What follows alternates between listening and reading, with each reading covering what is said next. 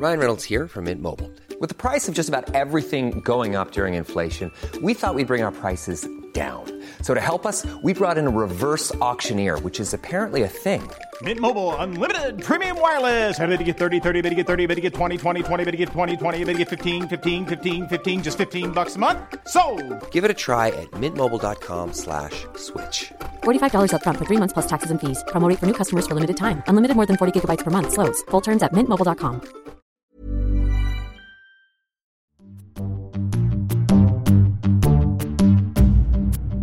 Välkomna till ett nytt avsnitt av podcasten Cyril och Stig i otakt med samtiden. Dagens avsnitt är vi själva och ämnet är ett ämne som jag tror inga tänkande människor eller kännande är likgiltiga för inför. Speciellt nu. Israel och Palestina-konflikten. Innan vi börjar vill jag påminna om att det inte är gratis att göra podd.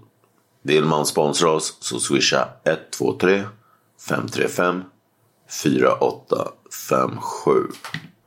Man kan också köpa våra kulturpåsar, t-shirts, hoodies och kaffemuggar hos podstore.se. Det är bara att logga in där. Jag vill också påminna om att framför allt kan man sponsra oss genom att köpa vår öl, Cyril Olof som finns på Systembolag på Söder, Enskede, Nacka. Och som görs av Gamla Enskede Bryggeri. Och därför vill jag också gratulera att tre nya restauranger har tillkommit som eh, tar in eh, först och främst då eh, de första som, tar, eh, som kommer servera den på fatöl. Det är Katarina Ölcafé, ett riktigt finsmakarhak på i Sofo på Söder. Sen har vi restaurang Veroni, en italiensk restaurang som öppnar första november i Best Westerns hotell vid Kungens Kurva.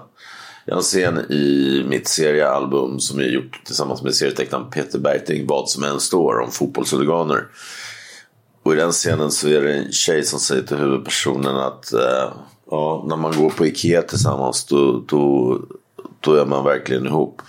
Då har man börjat vara ihop. Nu slipper man gå dit och äta deras torra gamla köttbullar och, lax när man är där. Utan det är bara att gå till restaurang Verona då, Kungens Kurva, Best Westerns hotell. En annan som har kommit tillbaka är Rådhusbaren. Vi säger grattis till er också. På um, Kungsholmen. Bland annat ett av Stigs och mina stamhak. Där, man också, där de också har poesiaftnar och med mera ibland. Och framförallt Filmhuset. Eh, kafeteria och restaurang. Så där ju alla filmarbetare eh, känner till vad det är för ställe och är där säkert då och då.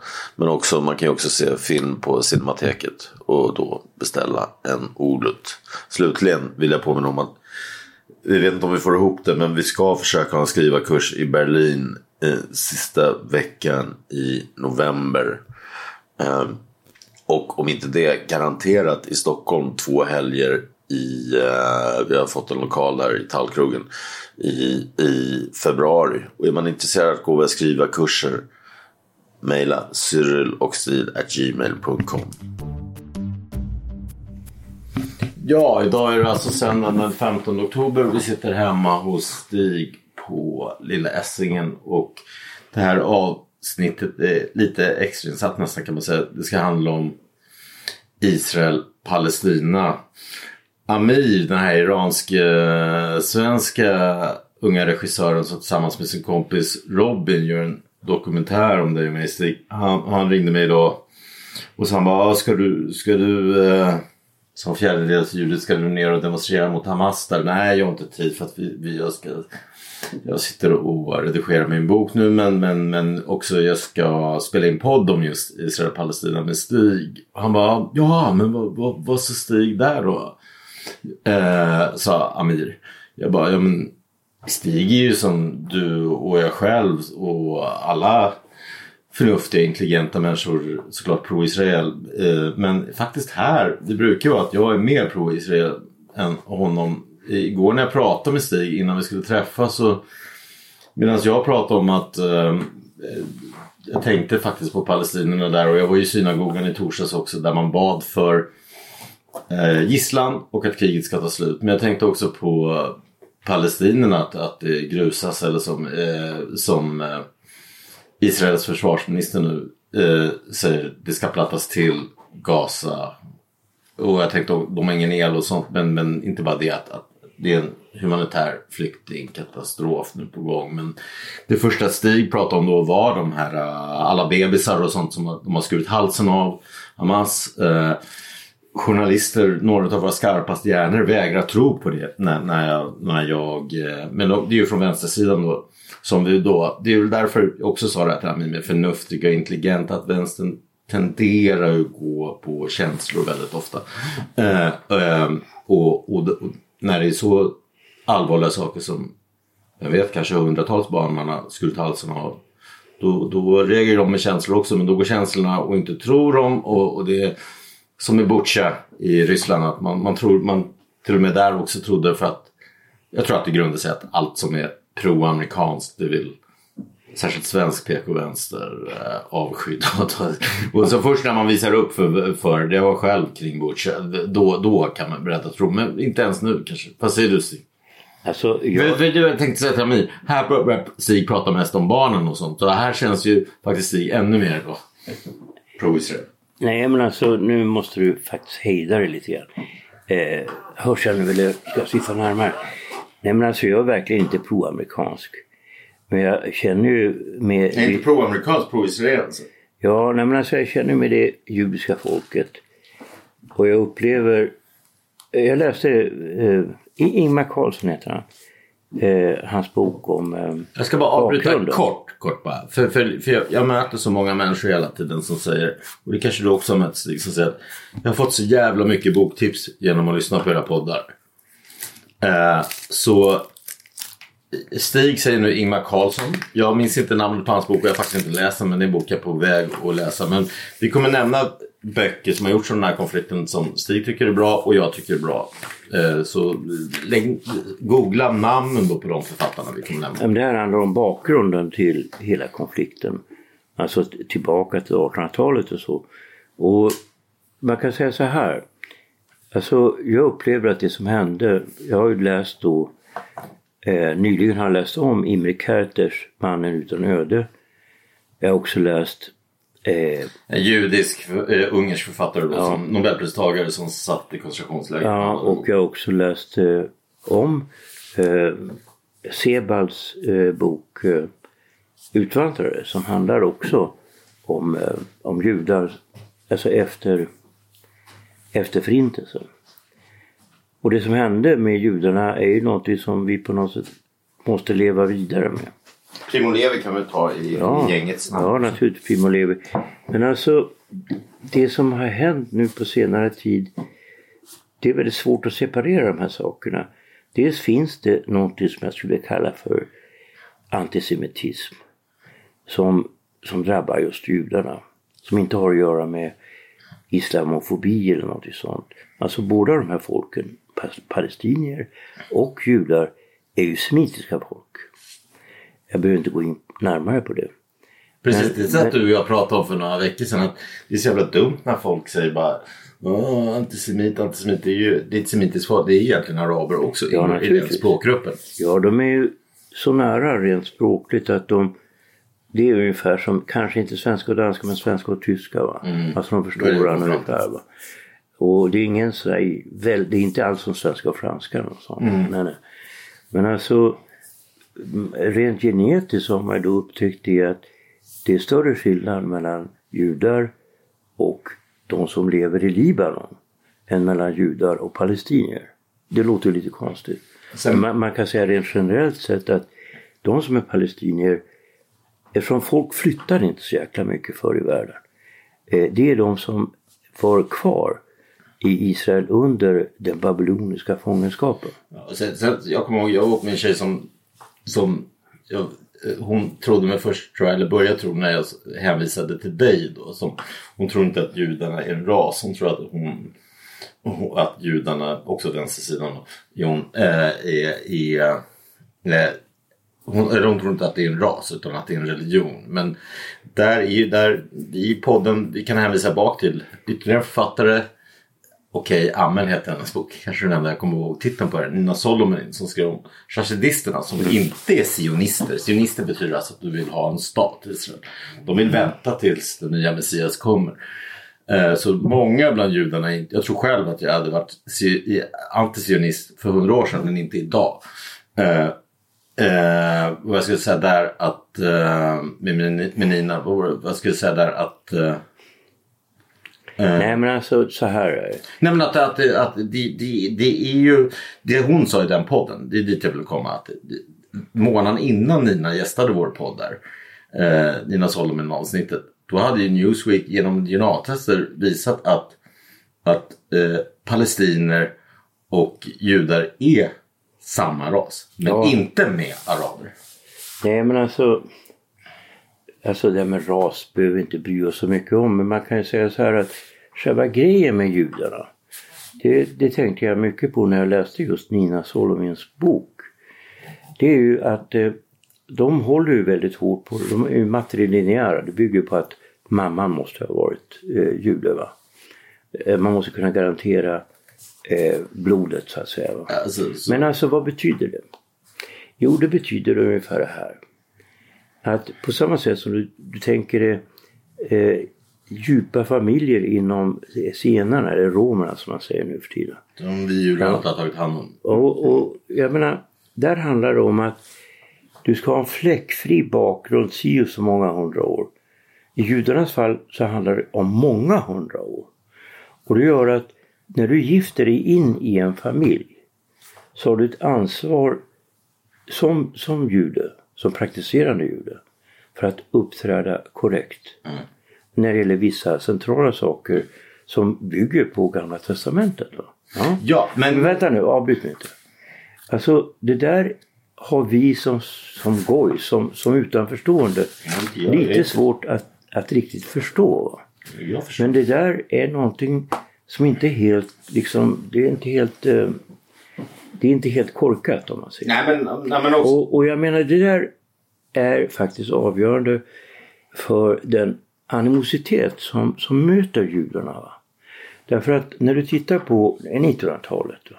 och du tittar på uppkomsten av antisemitism, framförallt inte i Tyskland och Österrike i första hand utan i Frankrike och tidigare i Ja, men jag måste Spanien. säga, Spanien. på, när vi är inne här på det. Att, att sionistiska rörelsen av, av Theodor som vår namne med vår producent där. Theodor Herzl. Herzl. Ja. Ja, på 1890-talet. Men den startades, den kom till bakgrund av att det var Dreyfusaffären där man sa att Dreyfus, den här eh, eh, franska eh, officeren hade sålt ut till Bismarck, Tyskland. Du hade samtidigt en antisemitism i Bismarck, Tyskland. Men framförallt pogromerna i Ryssland där det också gick så långt i början av 1900-talet någonstans att, att, eh, att det dödades 40 judar där. Och då, då började man snacka om att vi måste ha ett eget land. Man pratade om USA och eh, Argentina. Eh, så det var inte helt självklart men i och med Bibeln och det har också, det ska man komma ihåg, det hade bott judar där sedan Bibelns tid fortfarande. Eh, då började man prata om att skapa ett eget land och då började man utvandringar men det drog mer till USA där. Och vänstern vill gärna tala om eh, att eh, det är därför vänstern då är så anti-Israel att det är den sista kolonialmakten. Men där måste man också ta andra världskriget då att det var inte som indierna, hej vi ska hit och, och ha ert elfenben och, eller vi ska till Jamaica och ta ert kaffe eller till fransmännen till Kina och ta ert sidan utan, utan det handlar ju om att det var, det var, det var ett folk man faktiskt försökt utplåna och gasat ihjäl 6 miljoner. Och då Ja, alltså jag vet inte om den här historieskrivningen som du beskriver överhuvudtaget är korrekt. Men jag fortsätter. Alltså, eh, det som har hänt nu va, eh, när, när Israel ändå sedan 1948 har blivit en stat.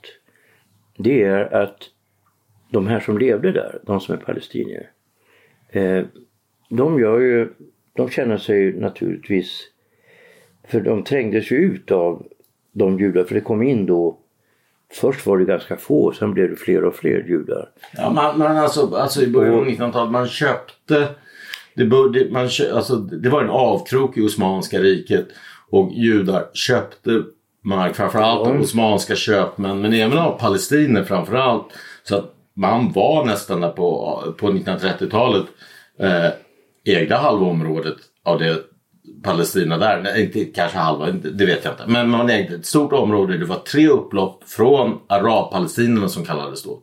Mot judar. Som faktiskt de Ja, men det, handlar, det handlar om att de Men då var det det brittiska Det handlar om Palestina. att det fanns en väldigt stor, man vägrar ju tala om sådana saker, men det var en stor kulturell skillnad mellan de som var judar och de som var palestinier eller de som var araber som levde i Palestina. Ja, och här menar du med, där vill jag bara köra, köra kortfattat med, med, med skillnaden med vilka du gifter med och sånt. Att där har du ju Israel har 12 stammar. Jag fick ju, det är så min nästa Ukraina-bok kommer inledas, eller inledas med att, att jag får reda på där inför nästa att, att jag är barnman till Gunnar Kassman då, Sveriges Great Gatsby. Men den stammen, Rabbi Kassman som går i rakt nedstigande led till kung Salomo. Alla på K till exempel, Ka- Cohen, vi får inte, jag får inte gifta mig med en Cohen. Här har vi en kontaktannons, men jag får gifta mig med min dotter till Bonniers eller Ja. Weil till exempel. Vi droppar det Det där. är därför inte någon innehav. Nej, men alltså jag och du har ganska olika åsikter, det kan vi då konstatera. När vi kommer tillbaka till det som har hänt nu så är det helt förskräckligt. Och jag undrar om inte äh, snubben som är vad heter det, president i Palestina i, i Västbanken. Jag undrar om inte han hade en poäng när han sa att han inte trodde att Hamas ledning riktigt hade koll på vad som hände. Nej. Därför att jag tror att det som hände nu är, är ju en katastrof, inte bara för de som har drabbats av det, de som är judar, utan även för de som är palestinier. Och jag, jag menar att Israel har rätt att försvara sig på samma sätt som Sverige skulle ha rätt att försvara sig om vi blir angripna. Jag har alltid försvarat den här muren som de byggde i Israel och har hävdat att om vi i Sverige blev attackerade, om vi hade eh, den här typen av självmordsbomber i den utsträckning som Israel hade tidigare, då skulle jag vara med att bygga den muren. Det kan du väl hålla med om att, att alla krig eh, som Israel var inblandad i, det är, alltid, det är därför det heter Israel Defense Force. Ja, men Yes, då, det är alltid de andra som har börjat. Ja, så är det ju naturligtvis det ett faktum. Och där är också visar du svensk media. Det står ofta så här fram tills nu, även i år, så att Israel inledde natten bombkrig. Det står aldrig vilka som bombade, började skicka in raketer. Nej. Nej, men alltså, och det måste, det måste naturligtvis, allt som är, allt som är förkastligt och fel är förkastligt och fel. Men sen måste vi liksom backa ett steg och titta tillbaka på den här konflikten i ett större perspektiv. Och det är då jag blir orolig. Därför att man måste fråga sig, hur var det här möjligt? Ja, Alltså hur var, det, hur var den här aktionen från Hamas möjlig? eh, nu har det inte kommit fram att Iran verkligen har bokstavligt talat legat bakom den här aktionen. Jag har svårt att tänka mig att Iran inte skulle ha varit medvetna om det. Men- men- Och, och andra avbryt inte. Å andra sidan så är det också väldigt svårt att tänka sig Alltså Ryssland och Kina hade varit helt omedvetna. Nere i blå, i- med Kinas godtycke kanske, men, men så här, både Hizbollah och Hamas är sponsrade utav, utav, utav eh, Iran. Ja, Eh, Israel håller på att närma sig Saudiarabien, vilket nu blir en paus i. Eh, senaste månaden, jag pratade med, jag, jag stötte av en slump när jag käkade lunch på, på eh, en krog idag. Med, med, han satt och tjuvlyssnade en snubbe från försvaret. Han, han köpte min, eh, min snabba nu hisspitchen på kriget, om vi ska säga. Eh, det, det är ju att eh, först och främst är Israels närmande till Saudiarabien. Eh, och det här pratade, chattade jag också med en svensk soldat i Ukraina. Senaste månaden, det här finns det, här finns det papper på och bevis på, har eh, eh, Hamas varit veckovis eh, höga företrädare i Ryssland. Putin vill... eh, va? Är det verkligen så? Lyssna, ja, det, det, det vet man. Eh, Putin, Putin, Putin, det här är min teori som många tror jag håller med om, särskilt militäranalytiker. Putin vill få bort eh, rampljuset och Iran vill ha bort rampljuset från Iran och Ryssland. Putin vill också få USA, vilket de har sagt eh, igår många där, tydligen, det ser ut att gå igenom, och att man eh, ger vapen till Ukraina och istället ger dem till Israel. Eh, Eh, som en, den här svenska soldaten i Ukraina eh, chattade med mig. Putin har gett dem lite skrot. Eh, eh, och så gör de det här och pushar dem till det här. Det, han inte, det de inte fattar, Hamas, att nu är de övergivna. Nu är det som Israels försvarsminister säger. De, de plattas till och är snart ute i Medelhavet. Det som Yasser Arafat sa på sin tid på 70-talet, det som jag växte upp med. att Jag är inte nöjd förrän alla judar är dränkta i, i Medelhavet. Eh, det blir snarare, det ser ut tyvärr och alltså, alltså men, men, men, men sen kommer min teori här. Det är att Putin, som, som jag sagt till Kajsa Ekis Ekman som är en vän men som jag tjafsar med ibland, eller ganska ofta i den här frågan. Är, eh, som jag säger till henne, en högerpopulistisk regering är lika illa i Israel som det skulle vara i Sverige eller något annat land. Eh, Putin, varför tror du Putin valde Netanyahu till, till att medla när, när, när han gick in i, när, när, i sin eh, operation i Ukraina? Eh, Putin, Putin ser det som så, slut med vapen till, till Ukraina. Och när eh, Netanyahu och de har, har swiped away Palestina då, och är ensamma i regionen helt där, då, då kan jag Netanyahu, då har jag en på min sida. För båda är smått fascister. Nej men alltså det där är inte klokt. Alltså dina idéer är helt uppåt väggarna. Nej, det är till och med den Alltså, svenska jag- militären köpte det. Ja, men det kan ju vara svenska militärer. De är väl inte så jävla intelligenta. Nej, men så här upplever jag det. Eh, Jo, men det här jobbar alltså på ja, men det spelar väl ingen som helst jävla roll. Ja, men då han ganska, en Ja, högskoleutbildning. ja, men det spelar väl ingen roll hur hög utbildning han har. Han kan väl ha fel ändå. Nej, men alltså som jag ser det så är det det stora problemet. Rent moraliskt sett så har Israel rätt att försvara sig. Och det som har hänt i Israel nu med en attack från Hamas som har varit mot Israel är fruktansvärt. Det är, det är bestialiskt och det, det är förjävligt. Man gick in och massakrerade en Ja. ja. ravefestival med tonåringar. Ja, ja det, det, det är verkligen, det är liksom inte okej. Det kan väl ingen säga att det är okej. Men det finns någonting som ligger bakom där, som en skugga. Så du tänker att det finns en jätte som slänger en stor skugga över ett område. Sen, Och det, avbryt mig inte nu. Eh, Det är ju det här. Att det finns en motsättning i världen. Som liksom successivt har kommit att bli mer och mer tydlig. Och den går mellan I'm Sandra, and I'm just the professional your small business was looking for. But you didn't hire me because you didn't use LinkedIn jobs. LinkedIn has professionals you can't find anywhere else, including those who aren't actively looking for a new job but might be open to the perfect role, like me. In a given month, over 70% of LinkedIn users don't visit other leading job sites. So if you're not looking on LinkedIn, you'll miss out on great candidates like Sandra. Start hiring professionals like a professional. Post your free job on linkedin.com/people today. Planning for your next trip? Elevate your travel style with Quince. Quince has all the jet setting essentials you'll want for your next getaway, like European linen, premium luggage options, buttery soft Italian leather bags, and so much more. And is all priced at 50 to 80% less than similar brands. Plus, Quince only works with factories that use safe and ethical manufacturing practices. Pack your bags with high-quality essentials you'll be wearing for vacations to come with Quince. Go to quince.com slash pack for free shipping and 365-day returns. USA och väst. Och eh, det du kan Vadå kalla... USA och väst? väst Ja men USA ju väst, är, ja men alltså det är, det det Öst, men- det, är, det, nej, men USA väst på ena sidan. Å andra sidan kan man säga att det är BRICS-länderna. Brasilien, Ryssland, Indien, Kina, Sydafrika. Och nu har ju då de ansökt och på väg att komma in. Nämligen Argentina, den stora. Eh, eh, exportören. Ja, Eh, världens sämsta ja. ekonomi sig. Mm. Men den stora matexportören, kanske till och med större än USA, eh, och Saudiarabien, och Förenade Arabemiraten, och Iran, och Indonesien. Alltså, här i väst fattar man inte att det finns en skiljelinje i världen. Och den skiljelinjen har vi liksom med hjälp av massmedia på något vis förträngt.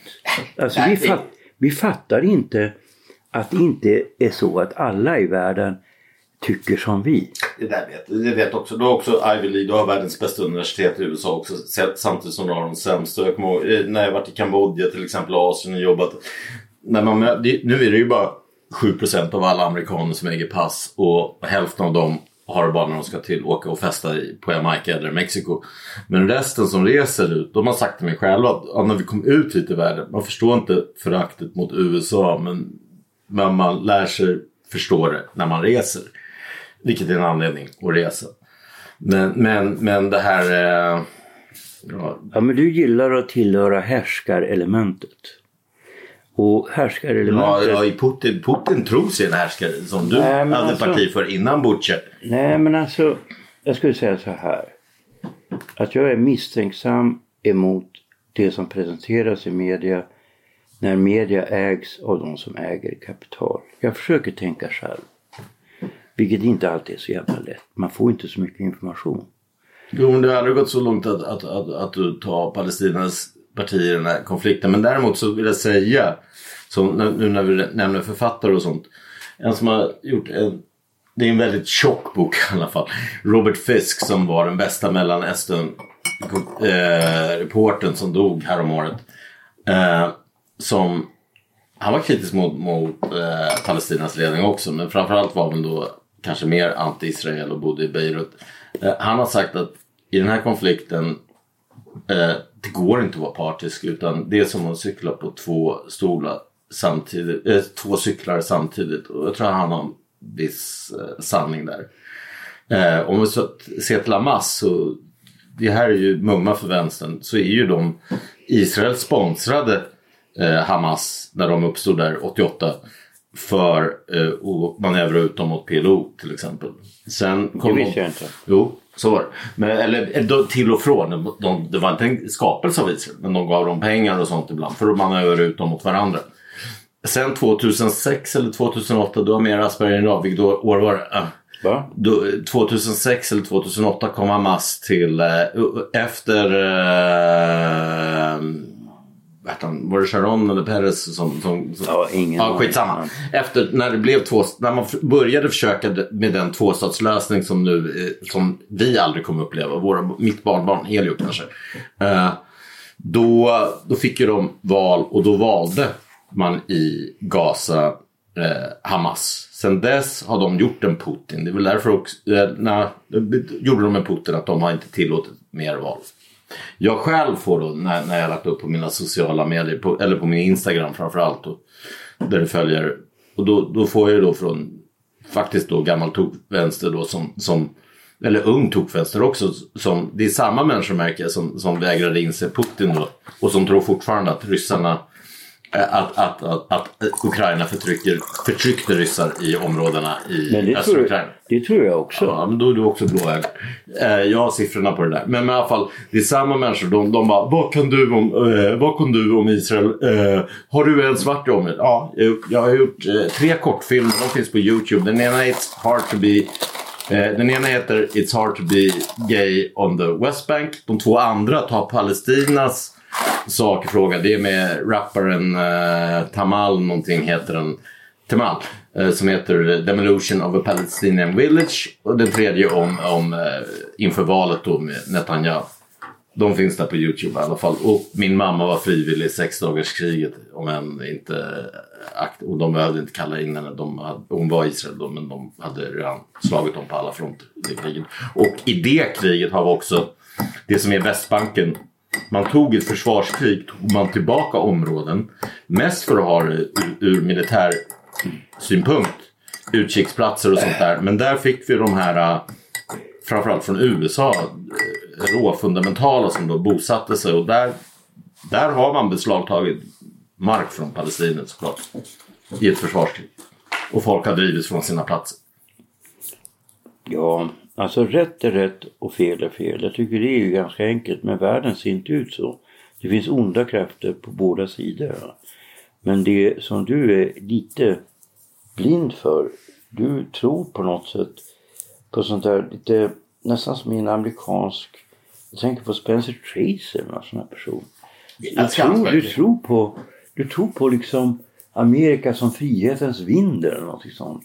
Jag ser inte det. Jag, säger, jag skulle nog kunna säga, här kommer jag på ett nytt uttryck som Churchill säger, demokrati är skit men ingenting är bättre. Jag säger samma sak med USA. USA är skit men ingenting är bättre som, som, som världspolis.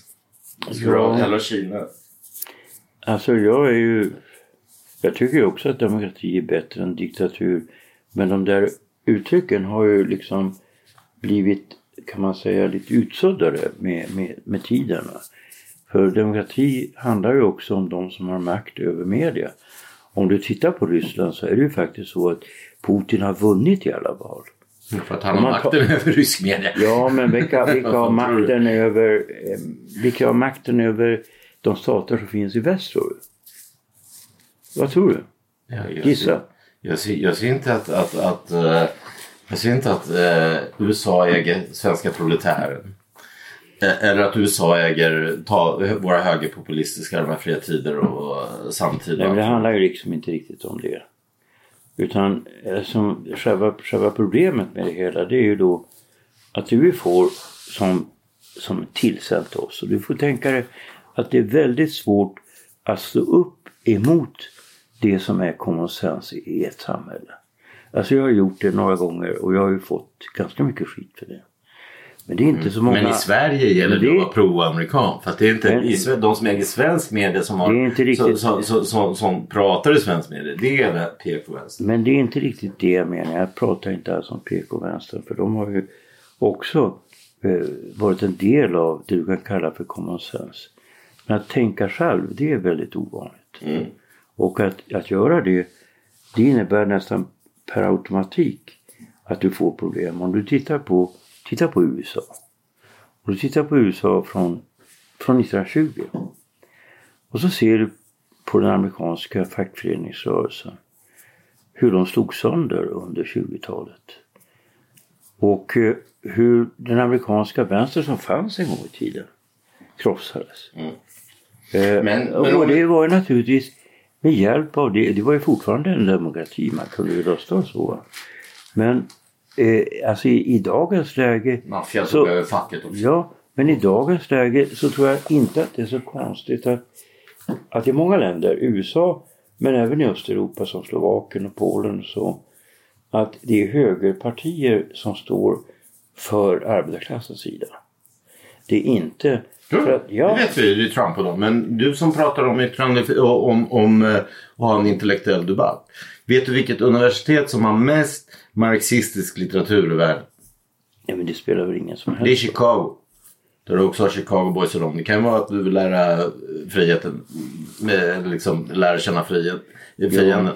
ja, men alltså, De har mer än Sovjets. Eller forna, eh, det som var Sovjet även på den tiden. Jo, men du är så fylld av propaganda. Nej, vadå fylla program? Det handlar ju som jag säger om att tänka, som du pratar om, tänka fritt. Men vi tänker fritt på olika sätt. Ja. Vi har olika åsikter. Men vad ska vi säga mer i den här frågan med, med, med tillbaka till Eh, I den här frågan så tycker jag ju att Israel gör rätt när de försvarar sig. Och jag tycker att de gör rätt som går in i Gaza. Alltså för det som, det som Hamas gjorde. Det är ju ändå så att de här människorna som, som lever i Gaza har röstat fram Hamas. Jag har ju sett i, i nyhetsinslag människor som är upprörda över vad Hamas har gjort. Alltså palestinier i Gaza som är upprörda. Ja, och då Det är får de som drabbas. Ja, det är, Vanliga de, folket. det, det är vanliga folk som drabbas. Men då får de faktiskt göra någonting åt det. Det Problemet är att de inte har haft fria val. Det är det som... Nej, men alltså det handlar inte bara om fria val. Jag är inte så som alla här i Sverige är. Att vi tror blint på fria val. Nej, Israel har för många val. Vad har det re- resulterat i? Att, Ja, att nej, det men är en alltså- högerpopulist och sen har de... Alltså, det- det är- De har till och med islamska, eller förra regeringen hade det, men de, de gör ett val varannat år. Ja, ja. Eh, Och det är kanske därför de försöker inskränka det också å andra sidan. Då hade de muslimska extremister ihop med de populistiska. För det är samma sak som Nation of Islam i USA, att de vill ha en apartheid. Och då snackar jag inte Eh, det, det är som Rabin sa, inte, inte apartheid som i Sydafrika som vänstern också försöker få, att, att det är en rasapartheid utan åtskilda. Ja, det finns ju ganska stora likheter mellan islamska fundamentalister och judiska fundamentalister. Jo. Alltså när det gäller moral och så. Och de, är sig- de närmar sig väl snarare sådana som jag. Och för att dra, dra min objektiv också. Vi har ju haft hur de har skjut, judiska extremister skjutit i, dels folk i Bernadotte men, men sen 90-talet i, utanför moskéer och, och, eller utanför heliga tempel och sånt i Jerusalem. Ja, alltså För att förstöra också som Hamas nu Ja. göra gällande. den typen av extremister är samma sak som islamister. Jag tycker att man i Sverige, överhuvudtaget i väst, måste skilja på muslimer och de som är islamister. Islamister ska man inte ha någon misskund med. Mm. Eh, Däremot muslimer, alltså jag känner ju massa muslimer här på ön och så. Och det blir inget fel på dem. De är väl ungefär som gamla sossar. och Du så. var inte Malmö Helsingborg där de sitter och firar de här. Nej men alltså det... Och där, där, där, kom vi in också. Ska vi då, som, om vi tar som Israel, att de flyttade in sionistiska rörelsen i det här området, Palestina. Som, som Herzl beskrev det som, här går bara förvirrade judar och smutsiga araber eh, omkring. Och det var en avkrok Osmanska riket. Eh, om vi då i Malmö, Malmö förespås ju faktiskt vara om 20 år eh, över 50 procent muslimer. Vi kan väl inte, vi kan inte säga att, eh, att, att, att, att köra ut dem då. Nej, det där är ju som ett annat problem. Det kan man ju se i Nordirland. Va? Alltså hela den nordirländska konflikten handlar ju om att katolikerna eh, föder fler barn än- protestanterna. Va? Protestanterna var i majoritet, nu är de i minoritet. Och det där är något som är liksom ett faktum. Det är, det är svårt att göra någonting åt det. Sen, sen, sen har vi då det här med antisemitismen. Johan Akeli skriver en bra krönika som man alltid gör i, i sina krönikor. Men, men han menade att vi har också en eh, inneboende antisemitism från 1800-talet i arabisk litteratur som även västerlandet köpte. Den tyska, han, han anklagar inte Bildt men Bildt är ju från högern en Palestinavän. Eh, eh, och han menar att Bildt är kanske att vi har också haft tyskvänliga svenskar då som har köpt den tyska retoriken. Att det kan eh, härleda därifrån. Alltså antisemitismen som sådan, som fenomen, är avskyvärd. Det finns liksom inget annat ord för det. Mm. Och då menar vi den antisemitismen som man nu kallar antisemitism. Ja, men alltså antisemitism vad det än gäller. Alltså att avsky människor på grund av deras blod. Det må vara svarta eller vad som helst. Va? Det är avskyvärt. Ja. Och det, det, det är liksom... Eh, ja, det menade han. Men då, Johan var ju upprörd över det här med, med, med eh, i Helsingborg och Malmö där man firade på gatorna. Ja, det är fullständigt avskyvärt och jag tycker att sådana människor jag tycker att man måste vara ganska sträng mot den typen av människor. Vi kommer få mer av dem i Malmö. Det blir en om- om- om- Det är det jag menar. Att, eh, som jag sa till dig och du höll med mig om att Israel är också faktiskt en av få länder som varnar innan de går in och bombar. Som, och jag vill väl säga att USA där också. Det är väl därför de tog TV-tornet i Belgrad som snyftvänstrar Nej, fortfarande men sitter alltså. TV-tornet i Belgrad Man tar TV-torn i alla krig för att slå ut. Nej, alltså TV-tornet i Belgrad. Jag var ju väldigt engagerad under 90-talet. Det var jag, Sören Sonelius, Jan Myrdal, några till. Som var engagerade mot NATO. Ja, under Myrdal är 90-talet. ju väldigt eh, pragmatisk i frågan. Jan. Jan Myrdal är ju en person som ofta har haft rätt. Inte alltid. Det har inte jag heller haft. Jag inte I podden där han gästade oss vägrade han när jag sa till fortfarande erkänna Pol Pot. Nej men alltså jag, jag kan inte uttala mig om det. Men alltså säg så här. Myrdal eh, kommer att leva vidare som en av de som aldrig gjorde avkall på eh, majoritetens åsikter. Och vi tänker oss så här att vi skulle allihop leva i Sovjet. Vad tror du, vilka tror du skulle vara i läger? Jo, det är jag och Myrdal, några till. Men de flesta eh, goddagspiltarna, de skulle inte vara i läger. De skulle vara med i partiet. Jo men det handlar ju om att erkänna man har fel som Chris, eh, vad heter det, Himmelfridens torg och Pol Pot och, och det. Ja, men om vi tar, är- vi tar Himmelska fridens torg. Jag minns ju mycket väl när det hände. Jag hade i Beidau på fest här, den sista festen jag hade här. Mycket omtalad, den finns i den här boken av Tosterman, eh, eh, Att gå ut eller något sånt där. Som han har utgivit i Sverige från andra världskriget och framåt. Jag är den enda De enda privatfester som nämns är de jag hade i den här lilla lägenheten. På den sista festen hade jag Beidao. Jag träffade flera exilkineser. Jag tyckte det var fruktansvärt det som hände. Men samtidigt har jag en förståelse för kinesiska kommunistpartiet. Ja, men, ja, men jag, jag förstår alltså varför Hitler ville slå ner generaluppror och sånt. Nej men alltså det kan man väl inte, inte sådana så. Alltså nu, när det handlar om, om väldigt stora problem måste du också på något sätt vara pragmatisk. Eh, hade det varit en fördel för världen om vi hade fått ett sönderfallande Kina i, i, i makt av de som tillhörde den kinesiska triaderna, alltså de som, de som hade våldsmonopolet. In, inte just då när Sovjet föll. Men, Nej, men, men, men det var så ju- långt tror jag inte Jan i Jo, himlen, alltså eller det, helvetet det, som, tror. det, som, det som hände var ju faktiskt att Kina lyfte sig. Alltså den kinesiska befolkningen har fått det mycket bättre. Mm. Jag, är ändå, jag var där 2004. Och jag måste ju säga att Kina ändå, man talar så illa om Kina. Jag har en för det fattade de. Att då, du, du måste ha kapitalistisk ekonomi i det. Ja, men en kapitalistisk ekonomi med en viss form av, kan man säga, styrning. Jag kommer jag hade ju en fascist, vi kallade honom fascist, uh, Sture Martinius. eh, som alltid, för han satt alltid och bara eh, eh, hyllade allt som var eh, ökning i, i ekonomisk tillväxt. Och han menade ju då att Kina och Chile och Singapore eh, de är bra för de var som Sverige för hundra år sedan. Att du måste ha diktatur när du bygger upp en, eh, eh, ett, ett, en stor ekonomi i början som sätter spelreglerna. Alltså det, jag kan inte, det är för stora frågor för att jag ska uttala mig om det. Men jag kan ju säga det att, att eftersom det har funnits under hela mitt liv en propaganda emot Sovjet och numera en propaganda emot Ryssland och en propaganda emot Kina. Och jag känner mig eh, obekväm med att leva under propaganda. Då försöker jag tänka så här. Det är inte så att jag stöder Putin. Det är inte så att jag stöder Xi Jinping. Nej, det är inte så. Men däremot försöker jag tänka, ja ah, vad kommer att hända nu? Vad är det här bra för? Ja, och det är lite att min ADHD fick mig att, att fladdra iväg. Men då vill jag komma tillbaka med alltså relationen med att Israel alltid vanligtvis varnar innan de ska bomba. Och det gjorde de nu också när de börjar.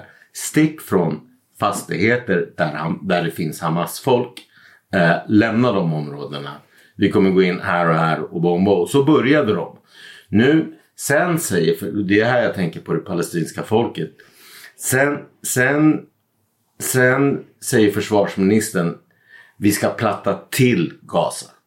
Eh, och eh, man har ju också gett piloterna större friheter nu som eh, DN då som eh, kanske inte direkt varit Israelvänlig även om Jan Guillou som sa i vår podd eller någon gång när jag intervjuade honom han, gillar inte Nathan Sachafal tycker de har en Israel där. Samtidigt som han tyckte Cordelia Evertsson, min vän, framlidne vän och kollega på den tiden jag var på Svenska Dagbladet som var judinna, tyckte han hade liksom heder.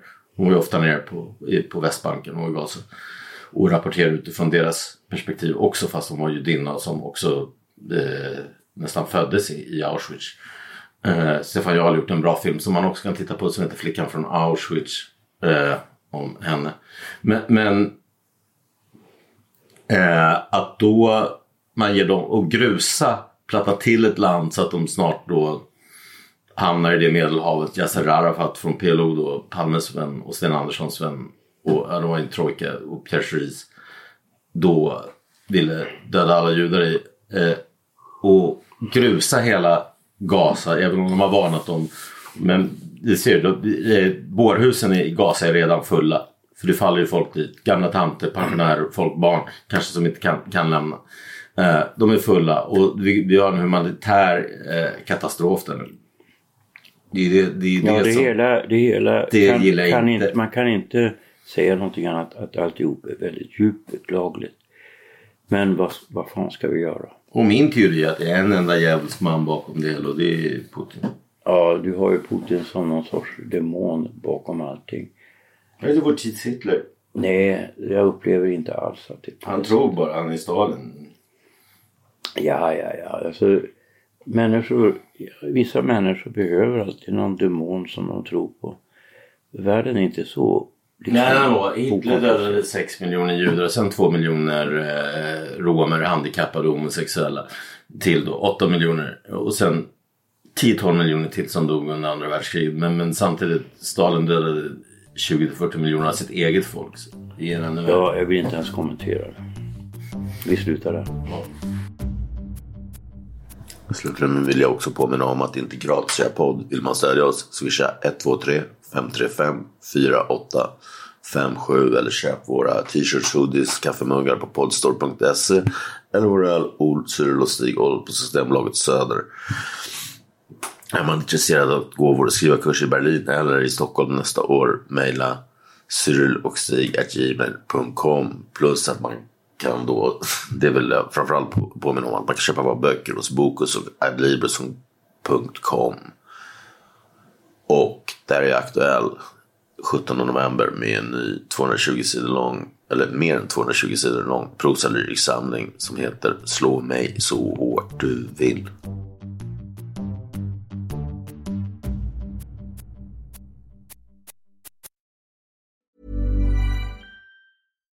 Hi, I'm Daniel, founder of Pretty Litter. Cats and cat owners deserve better than any old fashioned litter. That's why I teamed up with scientists and veterinarians to create Pretty Litter. Its innovative crystal formula has superior odor control and weighs up to 80% less than clay litter.